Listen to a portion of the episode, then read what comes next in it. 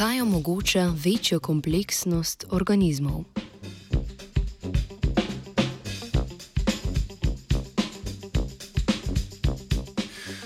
Dobro jutro. Raziskava z Univerze v Portsmouthu razkriva, kako je sesalcem in drugim kompleksnim organizmom na genetskem nivoju uspelo doseči višjo stopno kompleksnosti od filogenetsko starejših organizmov.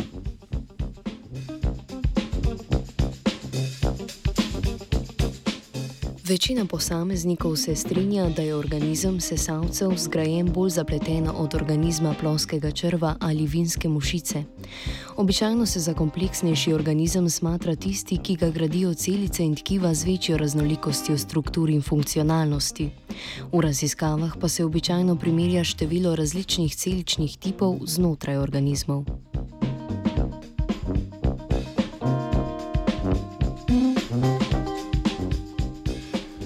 V nasprotju s pogostim prepričanjem, večje število genov ni tisto, ki bi neposredno pomenilo večjo raznolikost proteinskih molekul v celicah in s tem večjo kompleksnost organizma.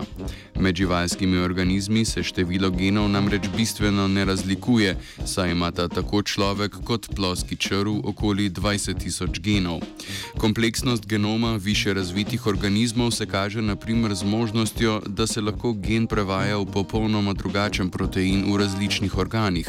Poleg tega pa je tudi en protein pogosteje zmožen opravljati več nalog.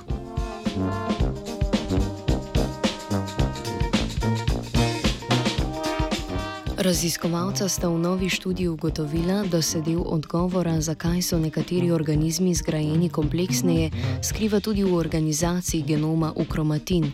Kromatin imenujemo skupek dvojne vijačnice DNK in proteinov, ki omogoča, da je dvometrska DNK lahko tesno zvita in spravljena v mikroskopsko jedro celice. Obenem pa spreminjanje zgradbe kromatina določa, kateri geni se bodo izražali v nekem trenutku. Thank you.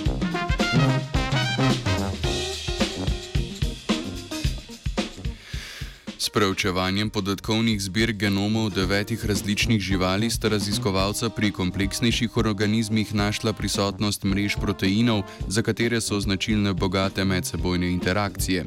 Ti proteini skupaj skrbijo za usklajeno izražanje in utišanje genov v različnih celicah preko dovršnega oziroma dovršenega uravnavanja dinamičnega preurejanja kromatina. To pomeni, da je izražanje posameznih genov kompleksnejših organizmov v celicah natančno. Eh, pač izražanje posameznih genov kompleksnejših organizmov je v celicah tako natančneje uravnavano.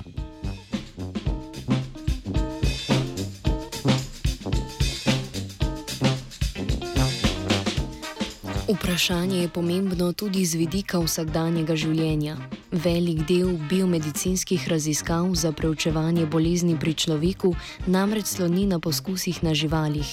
Eden glavnih pomislekov pa je, ali so rezultati iz poskusov na preprostejših organizmih, ki so etično in organizacijsko prikladnejši, prenosljivi na kompleksnejše organizme, kot je človek.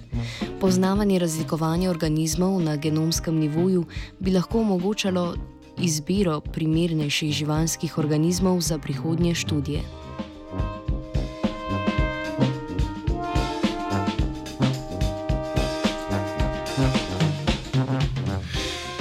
Novico je za enostavne in kompleksne organizme spisala Maja.